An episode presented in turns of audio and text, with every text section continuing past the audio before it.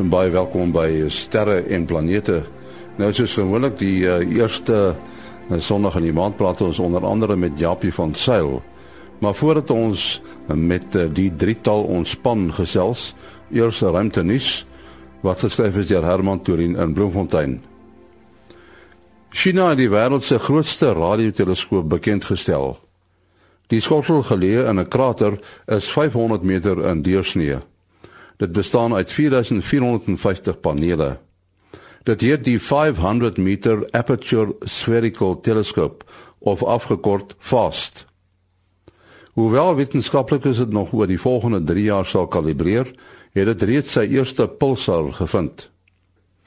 Die vind van pulsars sal een van sy hooffunksies naas die vind van waterstofbronne in die heelal wees terwyl dit ook sal oplet na syne wat dalk van buiteruimtelike beskawings afkomstig kan wees.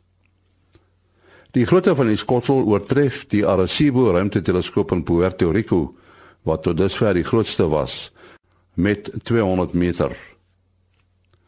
SpaceX van die Suid-Afrikaansgebore Elon Musk het sy eerste toets op 'n vuurpyl wat mense na Mars toe moet kan vervoer, suksesvol uitgevoer. Die vuurpyl staan as die Raptor bekend. SpaceX het ambisieuse planne om mense in 2025 na die rooi planeet te neem. Dis 5 jaar gouer as wat NASA aan die oog het. Musk beoog dat Mars gekoloniseer word. Musk se kritiek meen hy probeer sake ryp druk. En dit is die rede waarom een van sy Falcon 9 vuurpyle tydens 'n toets op die grond ontplof het. Hulle vrees dat oorhaastigheid om op Mars te kan kom tot soortgelyke ongelukke kan lei. Tot sover ruimtenis wat geskryf is deur Herman Torin in Bloemfontein. Ja, en dan uh, nog net so ietsie by op uh, die 7de Oktober gaan ek uh, die oggend 'n uh, sterrepraatjie hou uh, tydens die ruimteweek en dit is nou 'n klomp leerdlinge wat daarop sekondag uh klompie kursusse gaan loop uh, wat programmering, amateur radio beginsels, basiese elektronika en al die dinge betref. So uh, ons gaan uh, dan 'n sterre en planete uh, praatjie hou. Dit is om 10:00 die oggend die 7de Oktober en dit is in Sekondag. As jy belangstel, Christo Kriek kan gekontak word by 082 907 9685. 082 907 9685 of Willie Taljard by 0824612289 0824612289 Ons het uh, soos gewoonlik eenmal 'n maand het ons vir uh, Dr. Uh, Japie van Sail wat deesdae die direkteur is van sonnestelsel eksplorasie by NASA se Jet Propulsion Laboratory. Ons het ook vir uh, vir Willie Koorts van die SAAO en ons het vir uh, professor Mati Hofman van die Universiteit van die Vrystaat, die Boordensterrewag en die digitale planetarium. En wat in die nuus was, uh, nee Japie was die feit dat uh, daar nou waterspuite gesien is op uh, op Europa een van van Jupiter se maane. Maar was dit nie al voorheen ook bekend geweest nie? Ja, kyk, wat gebeur het nie is voorheen so ongeveer 'n jaar of 2 gelede het mense die Hubble teleskoop gebruik en hulle het 'n foto geneem van iets wat lyk asof dit uh, waterspuite kan wees um, naby die suidpool van die maan Europa. Nou wat hierdie nuwe aankondiging uh maandag was was oor die feit dat mense met 'n ander tegniek 'n tegniek wat ons eintlik gebruik om die atmosfere op ander planete om anders ander uh, sterre te bestudeer gebruik het om te kyk of hulle wel hierdie waterspuite kan opspoor. En hulle 10 verskillende sulke uh uh metings gedoen. En die manier waarop hierdie um tegniek werk is mense kyk die maan um uh, wanneer die maan voor Jupiter verbygaan. Ons weet presies hoe wat die die lig van Jupiter se se spektrum is. En so as die maan nou voor Jupiter verbygaan en dan kyk ons na na die um spektrum van die lig wat nou deur die uh dat sal ek maar sê verby die maan kom. En as daar dan waterspuite om die maan is, dan behoort uh, die water molekules in die waterspuite dan sekere gedeeltes van daai lig van wat van Jupiter afkom en dan te verander, die spektrum van hulle te verander. Ons moet sien dat daar um die die absorpsie was as gevolg van die watermolekules. En dis nou die tegniek wat hulle gebruik, het sogenaamde differential spectroscopy wat hulle gebruik en hulle op die 10 uh, eh, kere wat hulle gekyk het, het hulle 3 maal kon sien dat daar wel water spuite is naby die suidpool van Europa. Nou die interessante ding hier is hulle het dit net 3 keer uit die 10 gesien.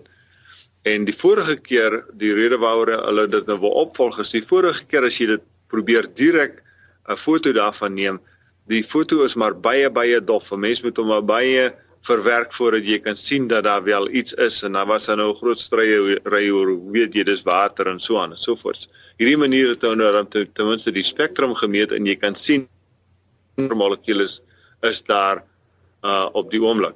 Nou die probleem is dat die feit dat net dat 3 uit uit die 10 uit dit gesien het.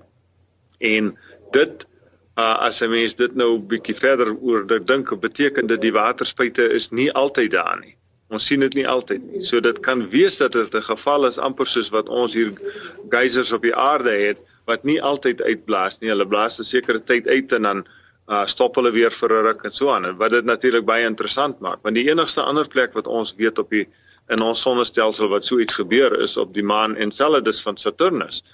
Maar daardie spuitig is ge, uh, uh reeds vir baie lank aan die gang en en is onophoudelik. So dis 'n dis 'n interessante verskil as dit nou wel so tydelike spuite op uh, Europa is. Ja, wat interessant is uh daar word nou gesê dat uh die water wat uitspuit, uh die is sout. Uh, is dit nou seker? Dit is nog nie 100% seker nie. En dis natuurlik een van die groot ehm um, uh, doelwitte van ons uh, sending wat ons in 2022 sal lanseer na na Europa toe is om te gaan kyk of die water wel sout is. Nou, hoe sal ons weet of die water sout is? Daar is 'n uh, was 'n teorie al verlang dat die water van die oseaan deur krake in die yskors van Europa na die bo na bokant toe kom. En ons het al al voorheen maar met baie swak resolusie foto's geneem, so ongeveer 100 tot, tot 300 meter resolusie uh, met die Galileo uh, uh, satelliet wat voorheen daar was. En dit lyk asof daar wel soutte in hierdie krake is. En as dit as ons nou daar kom en ons het 'n beter instrumentasie waarmee ons nou kan presies vasstel wat se soutte daar is dan kan 'n ou dit nou baie meer bevestig. Maar daar is indirekte um, metings wat mense kan doen. En die indirekte meting werk so soos volg. As 'n as 'n mens uh, 'n magneetveld het, 'n sterk magneetveld het en jy beweeg 'n uh, eyster, 'n uh, enige geleide geleiende voorwerp deur 'n magneetveld. Uh, met ander woorde, dit moet beweeg. As jy dit wel beweeg, dan veroorsaak dit elektrisiteit in daardie geleier en dit op uh, werk dan 'n uh, eie magneetveld op.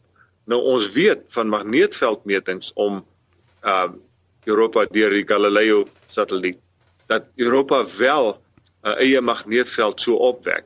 So daar moet iets wees wat ehm um, die uh, elektrisiteit kan gelei en die eenvoudigste ehm um, uh, oplossing vir dit is as jy wel 'n sout oseaan het wat uh, wat dan die elektrisiteit kan gelei wat jy so deur die uh, magneetveld van Jupiter op opwek. So ons weet indirek dat daar moet 'n uh, uh, um, 'n sout oseaan wees, maar ons wil nou direkte uh, metings daarvan neem as ons kan.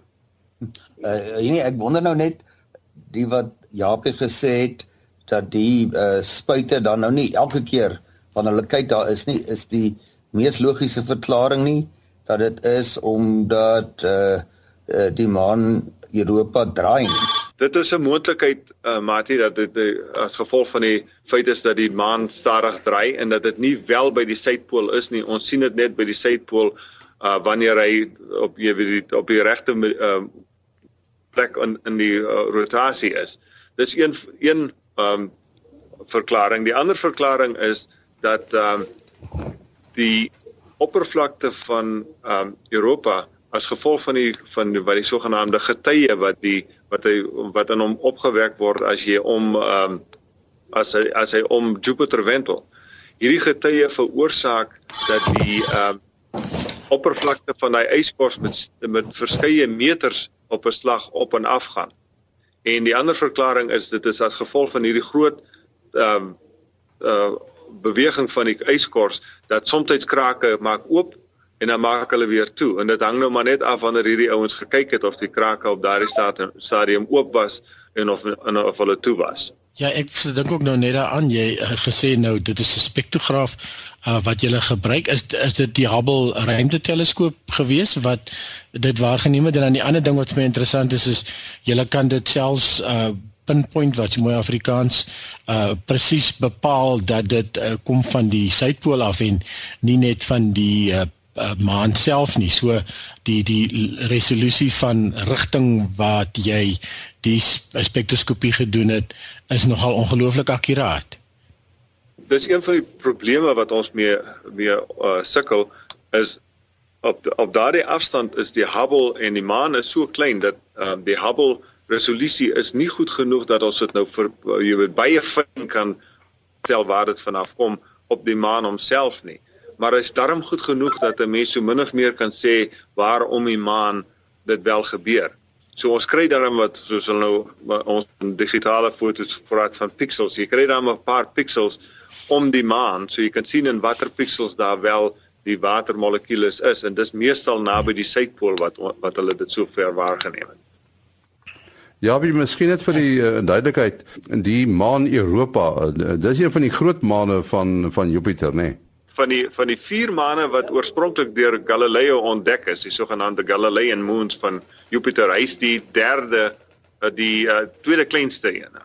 So daar's Io wat klein uh, die kleinste is en dan is daar Europa en dan daar's Ganymede en Callisto, hulle twee is die is die groter is. Ganymede is om my waarheid te sê die grootste maan in ons sonnestelsel. En hulle lyk heel anders as uh, byvoorbeeld Europa. Hulle lyk baie anders, uh, maar slegs in die in die sin dat hulle nie so ehm um, uh heeltemal net 'n yskors is wat hulle uh, wat hulle ehm um, hele oppervlakte bedek nie. Ehm um, maar daar's ook baie sterk aanduidings dat beide van Callisto en uh Ganymede ook oseane het. Om die waarheid te sê, die die uh, die skatting op die oomblik is dat Ganymede uh, heel waarskynlik tweemaal soveel water het as Europa. Die probleem is dat uh, niemand weet presies hoe diep dit is nie en die enigste manier waarop hulle dit kan ehm uh, um, vasstel op die oomblik en uh, wat die teorie is is, ge, is gevolg van die ehm um, magneetveld wat uh, Ganymede opwek as hy deur die soos soos wat hy deur die uh, Europa uh, Jupiter se magneetveld gaan. So uh, daar moet ook een of ander geleidende oppervlakte wees op beide die ander twee maane. En die Europeërs gaan 'n uh, uh, sending stuur wat ook in 2022 gaan lanseer sê die die sending word JUICE genoem uh, uh, wat nou Jupiter en sy maane gaan bestudeer en hulle gaan konsentreer op uh, Ganymede en Callisto, nie op die uh, op uh, Europa nie. Die die volgorde nou weer van die maan. Ek weet Io is die naaste en ek dink Ganymede is die verste. So Europa is daar tussenin, is dit nie? Hoe jy nou nou wat is die volgorde van die uh, Europa is die tweede ene van Jupiter af. Van Jupiter, okay, ja. Wat ek nou wonder is, julle het nou van tyd tot tyd uh tye waar daar by Jupiter aankom soos uh Juno wat nou daar aangekom het. Uh sou mens nie die eh, eh, die baan van so 'n uh, tuig kon so beplan dat hulle van baie nader af as wat die Hubble teleskoop kan waarneem dieselfde tipe metings doen wat dit net baie akkurater kan doen en dalk meer direk dan inligting kry of die die spektra aanduiding is van dat daar ook uh, weet sout oplossing is of sal die sout oplossing nie meer in die in die pluim self bestaan nie. Sal dit suiwer water wees wat daar beland? Nee nee ons ons uh, hoop juist dat daar wel sout uh, oplossing in die in die uh, spuit sal wees, die waterspuit sal wees. Om die waarheid te sê, ons beplan om met ons um, Europa sending 25 km bo kan die oppervlakte van daai maan verby te vlieg. Nou die aanduiding is dat hierdie spuite so ongeveer 160 tot miskien selfs so hoog as 300 km is. Maar die rede waarom ons so laag wil verbyvlieg is natuurlik dat die soutmolekules is uh groter en swaarder.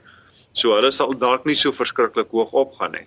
So die plan is as ons daar kom en ons sien enige aanduiding van van sulke spuite uh dan gaan ons definitief beplan soos wat ons met die Cassini satelliet gemaak het om Enceladus om wel deur daai spuit te vlieg en te kyk van die uh, die water of die water wel sout te bevat. Ons weet dat hm. die in die geval van Enceladus daar is definitief aanduiding dat daar sout in daai in die water is.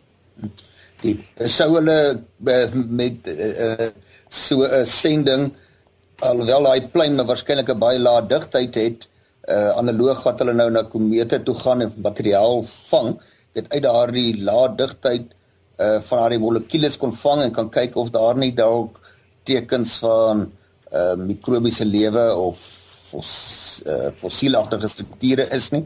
Uh want daar ek, ek, ek weet die mense sê hulle kry bakterieë in die aarde se atmosfeer wat dryf op die molekule en stofdeeltjies in die atmosfeer of dit 'n bietjie ja. bietjie ver gevat. Nee nee, ek dink nie dit is so ver gevat nie en om die waarheid te sê ons werk nou aan twee ehm um, konsepte hierso om uh sendinge te stuur om uh deur die pluime te vlieg van die water soos jy sê te vang en uh en dit terug te bring na die aarde toe sodat ons hier by die aarde kan uh bietjie meer uh beter analiseer. Uh beide na na Europa toe en na Enceladus. Die groot probleme dit uh, is die volgende.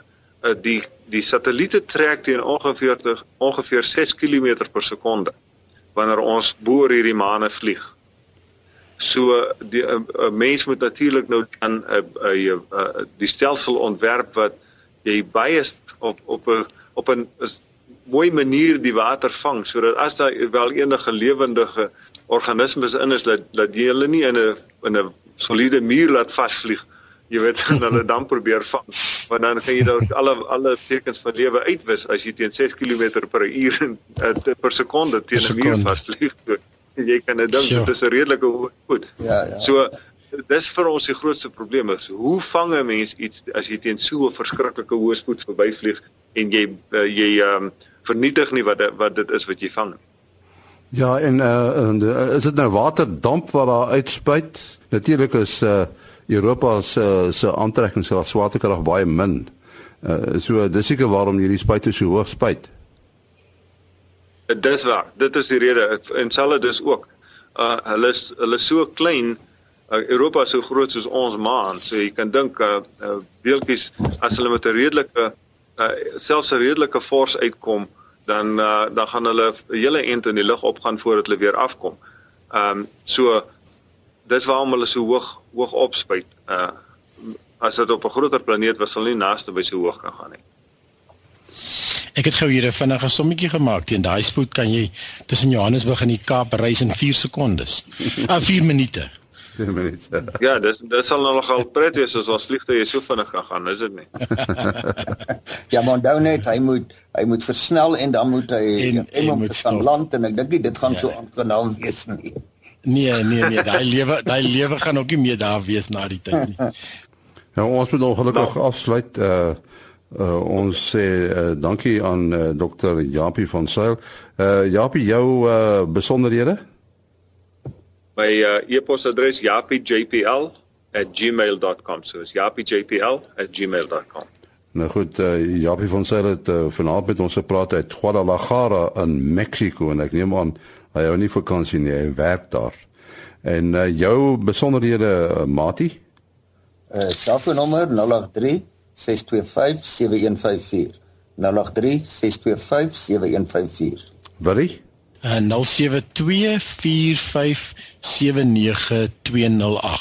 0724579208. En my e-posadres maas.henny@gmail.com. maas.henny@ at gmail.com. Ons is volgende week terug. Tot dan. Mooi loop.